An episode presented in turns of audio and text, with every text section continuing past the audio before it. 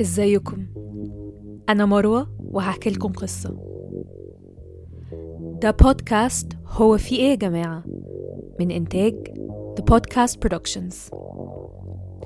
في البودكاست ده هحكي لكم قصص حقيقية عن جرايم قتل أحداث تاريخية غريبة أماكن مسكونة وكل القصص اللي لما بنسمعها بنقول هو في إيه يا جماعة؟ هي الناس مالها. القصص دي بطبيعتها ممكن يكون فيها مشاهد عنف أو أحداث ممكن تبقى مؤذية لشوية ناس. فياريت تقروا الديسكريبشن كويس عشان تتأكدوا إن الحلقة مناسبة ليكم. يلا نسمع قصة النهاردة. المحاكمة الشيطانية. لو شفتم الجزء الثالث من فيلم The Conjuring ممكن يبقى عندكم فكرة مبدئية عن قصة النهاردة. لكن زي أغلب الأفلام اللي مبنية على قصة حقيقية اللي بيحصل في الفيلم مش شبه الواقع. إطلاقاً. فالنهاردة دي القصة الحقيقية لأرني شايان جونسون والمحاكمة الشيطانية اللي لأول مرة في تاريخ أمريكا يكون المتهم دفاعه عن نفسه هو غير مذنب بسبب مس شيطاني. ومن هنا ابتدى يطلع مصطلح The Devil Made Me Do It الشيطان اللي خلاني أعمل كده. واللي فيلم The Conjuring الجزء الثالث متسمي بيه. مدينة بروكفيلد في ولاية كوناتيكت في أمريكا مدينة هادية. فيها بحيرات وأشجار ومناظر طبيعية خلابة. المدينة هادية لدرجة إنها فضلت 193 سنة من غير ولا جريمة قتل. لحد سنة 1981 وبالتحديد يوم 16 فبراير اللي بتبتدي فيه أحداث قصتنا.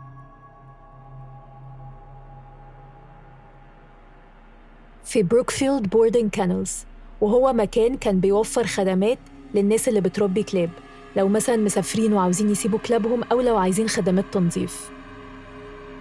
مدير المكان ده كان اسمه آلان بونو وهو راجل في الأربعينات من عمره. كان بيشتغل عنده بنت اسمها دابي جلاتزل وعندها 26 سنة. بالإضافة إنه مديرها كان برضه مأجر لها البيت اللي عايشة فيه هي وصاحبها أرني شايان جونسون اللي كان عنده وقتها 19 سنة. في اليوم ده اللي هو 16 فبراير دابي كان عليها إنها تنظف وتهتم بكلب بودل بس شكله وحش جدا.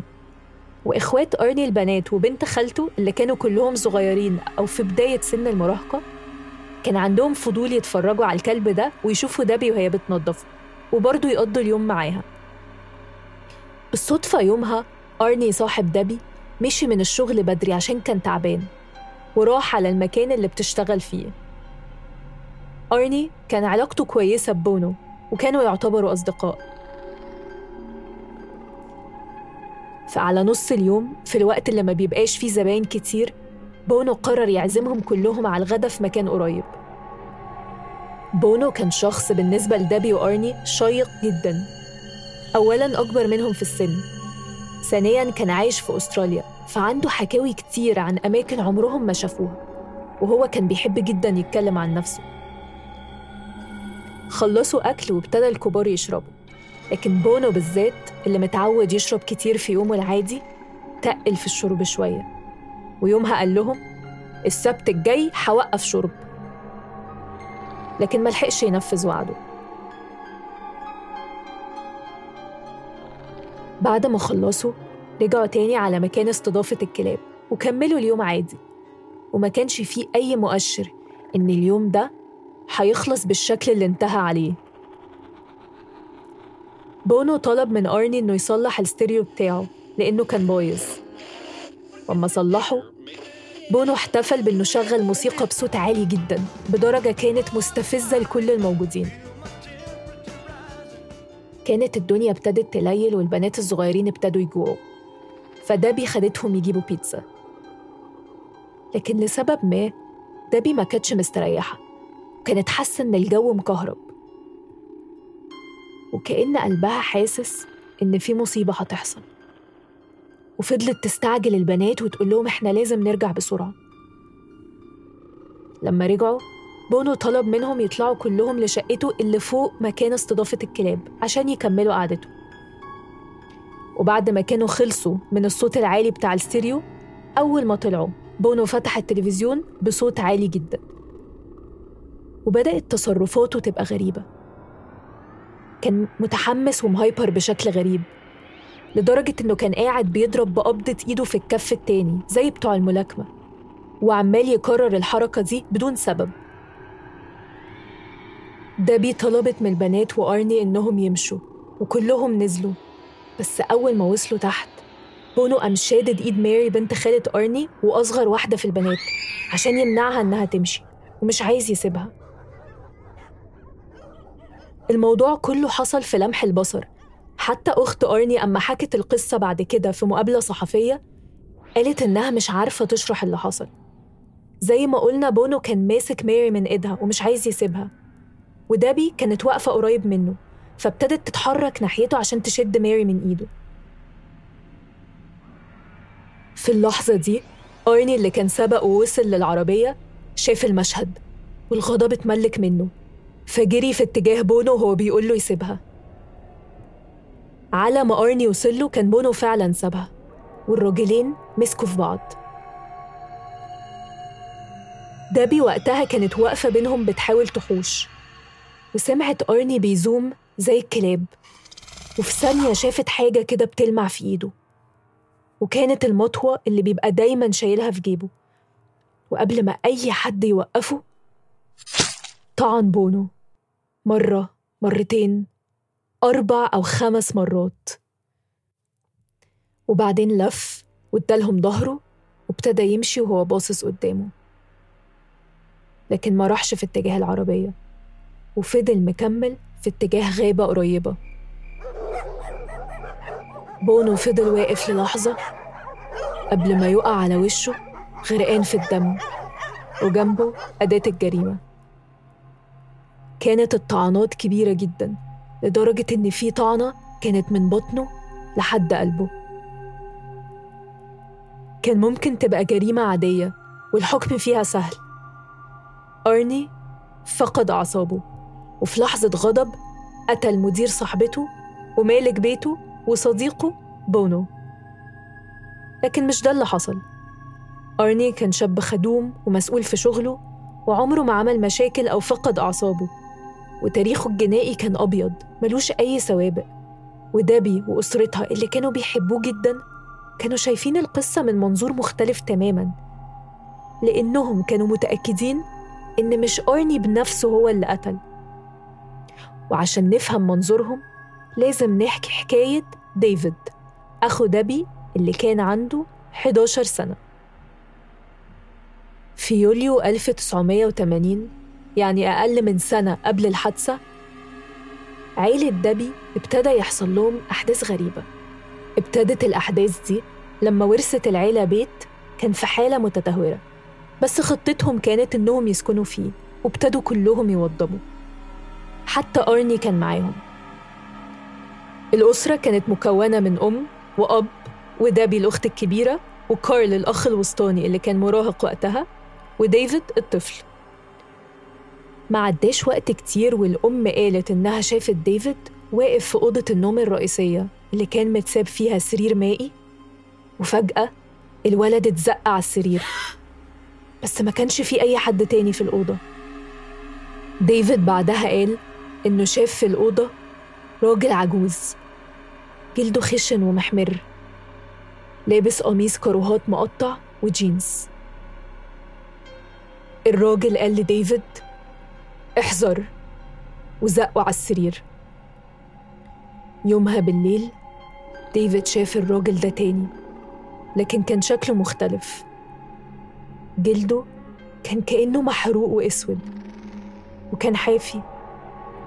وأما ديفيد وصف رجله قال إنه زي رجل الغزالة. مامة ديفيد صدقته على طول لأنها كانت بتؤمن في وجود الأرواح الشريرة. وابتدى ديفيد يعاني من فزع في الليل وبيصحى وهو بيعيط وبيترعش. وهو بيقول الراجل اللي عنده عيون كبيرة سودة ووشه رفيع شبه الحيوان بأسنان معوجة ودان مدببة وقرون وحوافر بيطاردني في الحلم. مش بس كده جسم ديفيد ابتدى يظهر عليه آثار خربشة وكدمات. وابتدت بقية العيلة تقتنع إن ديفيد ملبوس. فطلبوا من قسيس من الكنيسة المحلية إنه يجي يبارك البيت ويبارك ديفيد. بس فضل الوضع زي ما هو. سلوك ديفيد بدأ يتغير وطول النهار كان بيزوم وبيعمل صوت هسهسة زي القطط وبيتكلم بأصوات غريبة مختلفة عن صوته الحقيقي. كأن شخص تاني هو اللي بيتكلم. وكمان كان بيقول مقتطفات من كتب ونصوص دينية مش المفروض إن يكون حافظها. وكان بيضحك بشكل هستيري. وبيتف وبيضرب وبيسب وبيشتم. وحتى ضرب مامته وهجم على جدته بسكينة. وكان بيدعي إن الراجل الوحش زي ما كان بيسميه بقى بيظهر في النهار كمان مش بس في الليل. والعيلة كمان حكوا إن حاجات غريبة حصلت لهم في البيت.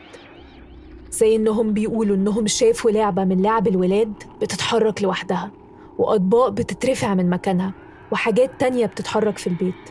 وده بنفسها قالت إنها شافت الوحش. العيلة كانت فاقدة للأمل. ومش عارفين يعملوا إيه. وبعد أسبوعين من بداية القصة كلموا أد ولورين وارن. أد ولورين كانوا اتنين متجوزين مشهورين جدا الفترة دي بإنهم خبراء في الأرواح الشريرة والشياطين. وإنهم بيقدروا يساعدوا الناس اللي شاكين إن بيوتهم مسكونة أو إنهم ملبوسين أو في حاجة خارقة للطبيعة بتحصل. كانوا مشهورين لدرجة إن اسمهم مربوط بكذا قضية مشهورة. من ضمنها قصة The Amityville Horror. وبداية من 2013 اتعمل عليهم أفلام مبنية على تحقيقاتهم وهي سلسلة أفلام The Conjuring. أول ما أد ولورين وارن دخلوا البيت شافوا كيان ضبابي جنب ديفيد وفي ساعتها قالوا إنه ملبوس.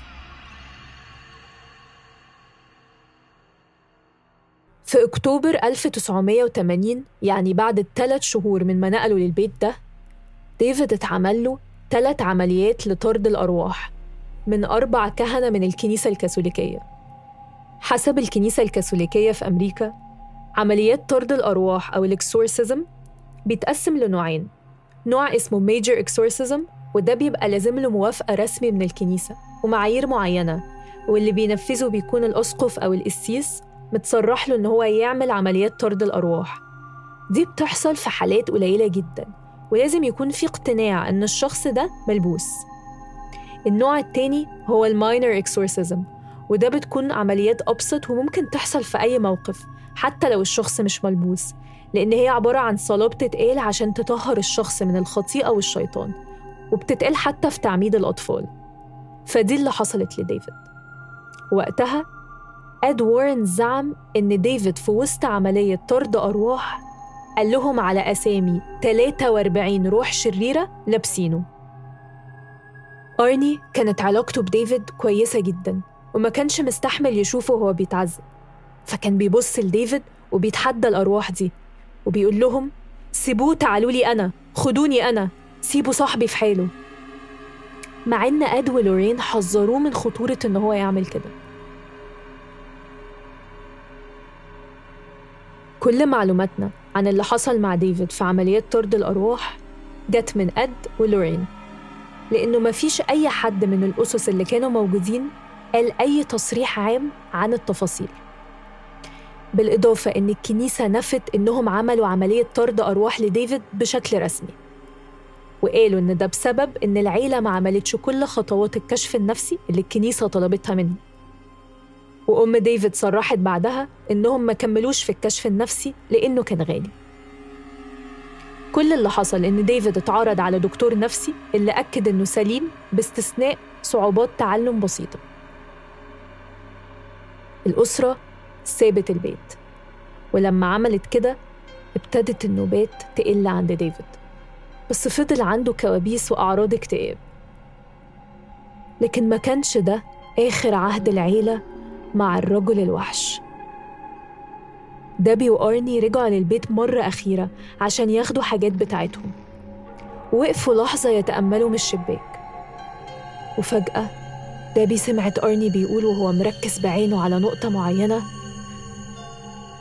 أهو الوحش أهو. وابتدى يزوم ويكشف عن سنانه. دابي ضربته على وشه. لكن ما اتحركش فضربته تاني ففاق. وساعتها عرفت إن الوحش لبسه هو. ومن وقتها دابي ابتدت تلاحظ تصرفات غريبة من صاحبها. كانت تشبه اللي أخوها كان بيعمله. ومن ضمنها إنه يوم ما قتل بونو سمعت صوتين مختلفين طالعين منه. في يومها الشرطة قبضت على أرني بتهمة القتل.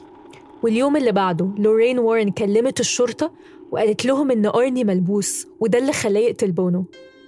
دابي قالت نفس الحاجة للمحققين أما استجوبوها كشاهدة.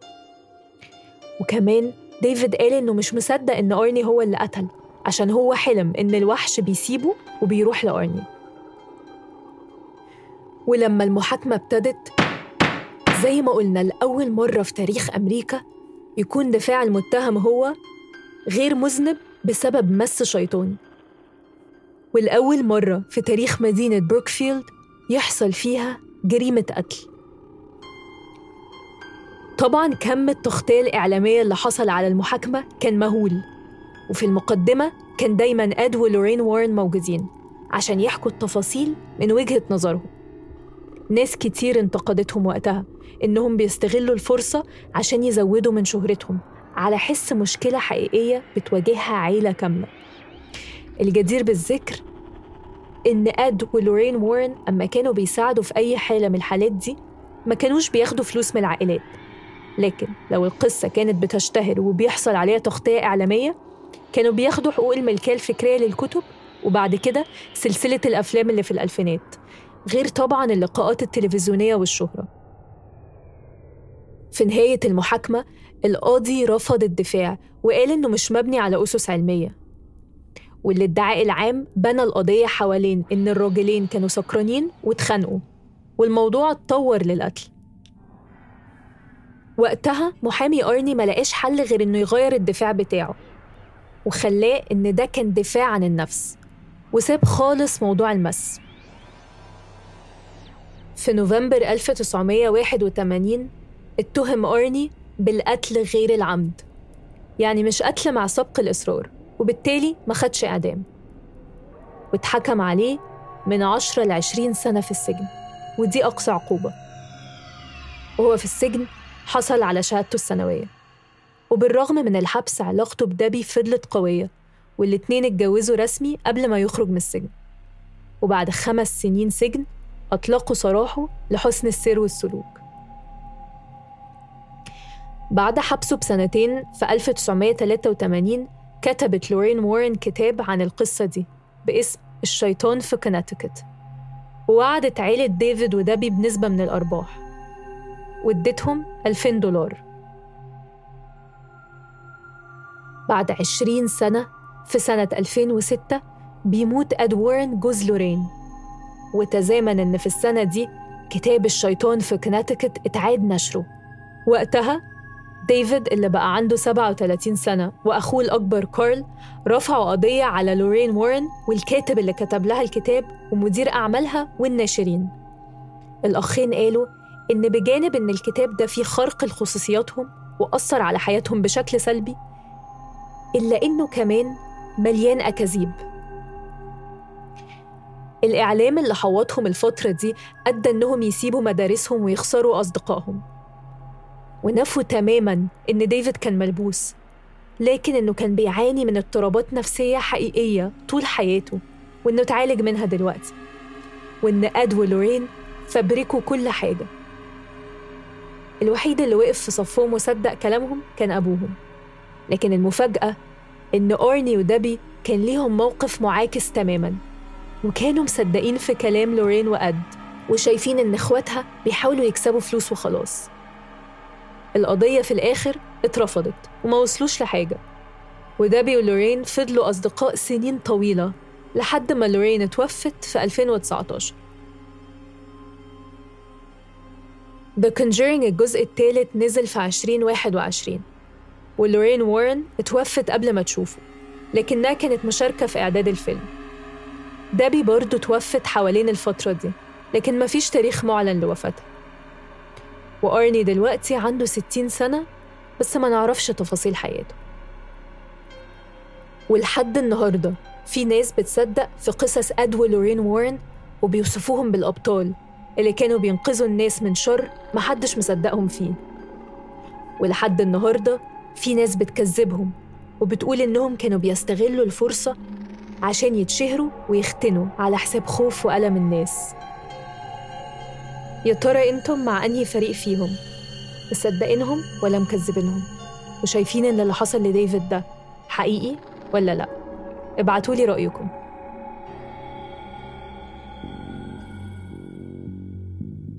دي كانت قصة النهاردة. لو عجبتكم أو حسيتوا إنكم عايزين تقولوا هو في إيه يا جماعة؟ يبقى ما تنسوش تعملوا like و subscribe و share لو عندكم قصص عاوزين ترشحوها ابعتولنا على صفحة The Podcast Productions. واستنوا القصة الجاية.